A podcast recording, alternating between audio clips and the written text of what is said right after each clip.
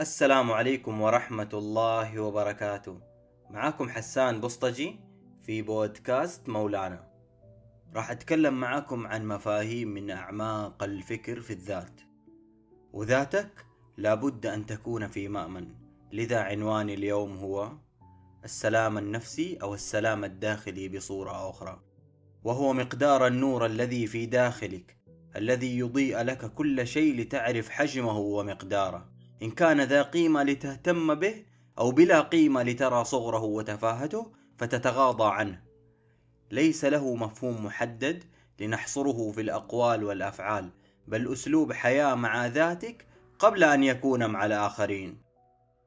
لتتخلص من تلك الصراعات القاتلة وأن ترى كل ما يأتيك من الدنيا هو خير تكن في حالة هدنة مع جميع الظروف. ولكن لم أعني الخنوع ولكن التكيف وإيجاد الحلول الإيجابية الصحيحة لكل أنواع الرياح المعاكسة والتناغم مع الذات في تحقيق السلام كعبقرية قلوب الأطفال. حينما تستشعر نعومة السلام يمر كل شيء في داخلك بلطف لا شيء يمزقك وبهذا تكون مؤثرا على كل الظروف وعلى الأشخاص المرتبطين معك في تلك الظروف أيضا لتكن مثل الغيث الذي يسقي قلوبا جفت من حولك. تكن ردود أفعالك هي دروس تصنع يوما يصادفك وكذلك تظهر علامات السلام على وجهك وعلى ملامحك وعلى بريق عينيك. وكأن بينك وبين السماء حبل لا ينقطع. فالله منه السلام وهو السلام فلتجعل نورا من الإله يضيئك.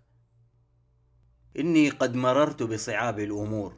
كنت فيها كرجل في زورق مثقوب. يتخبطه الموج من كل جانب. يتقلب في زورقه الصغير. ويتخبط يمنة ويسرى. حتى لا يستطيع أن يثبت نفسه في زورقه. فكيف له أن يثبت زورقه في وسط البحر؟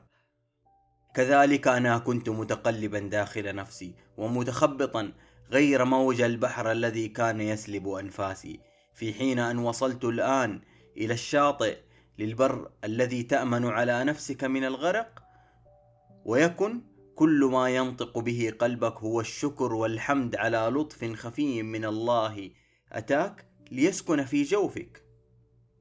فلتهدأ قليلا ولتعلم أن العمر لا يزيد.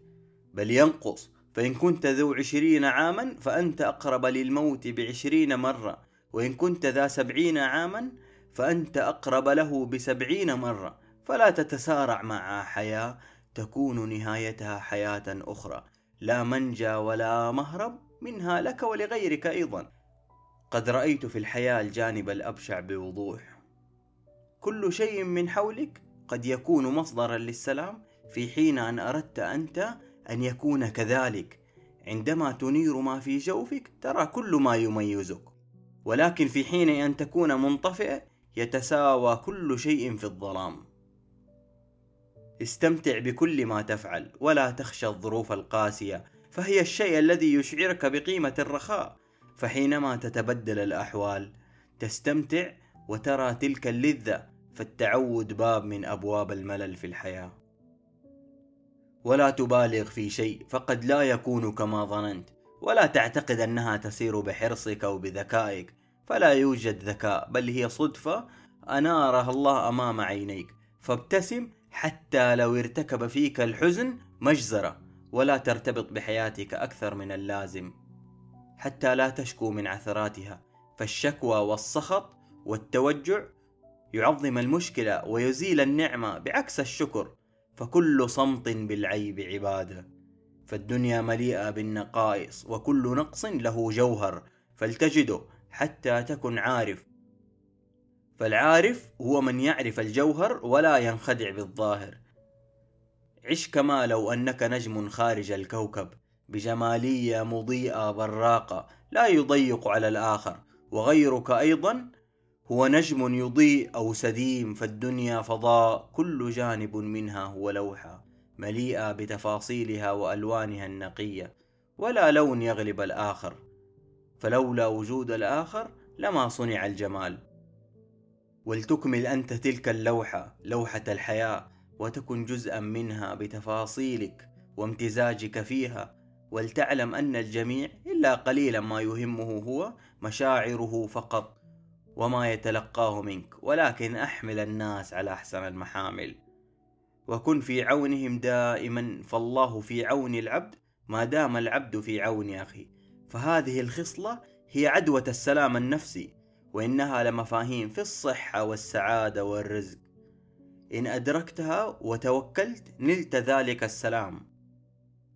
وانظر بزاوية النور إلى عظمة الكون. فبعد تشييد هذا الكون العظيم ألديك شك أيها المخلوق في أن الأمر عسير وأن الكرب دائم؟ فالله يوفقك لما أردت أن يوفقك له عن قلب صادق. ومن هنا نختم. لنلتقي في بودكاست آخر. استودعتكم الله.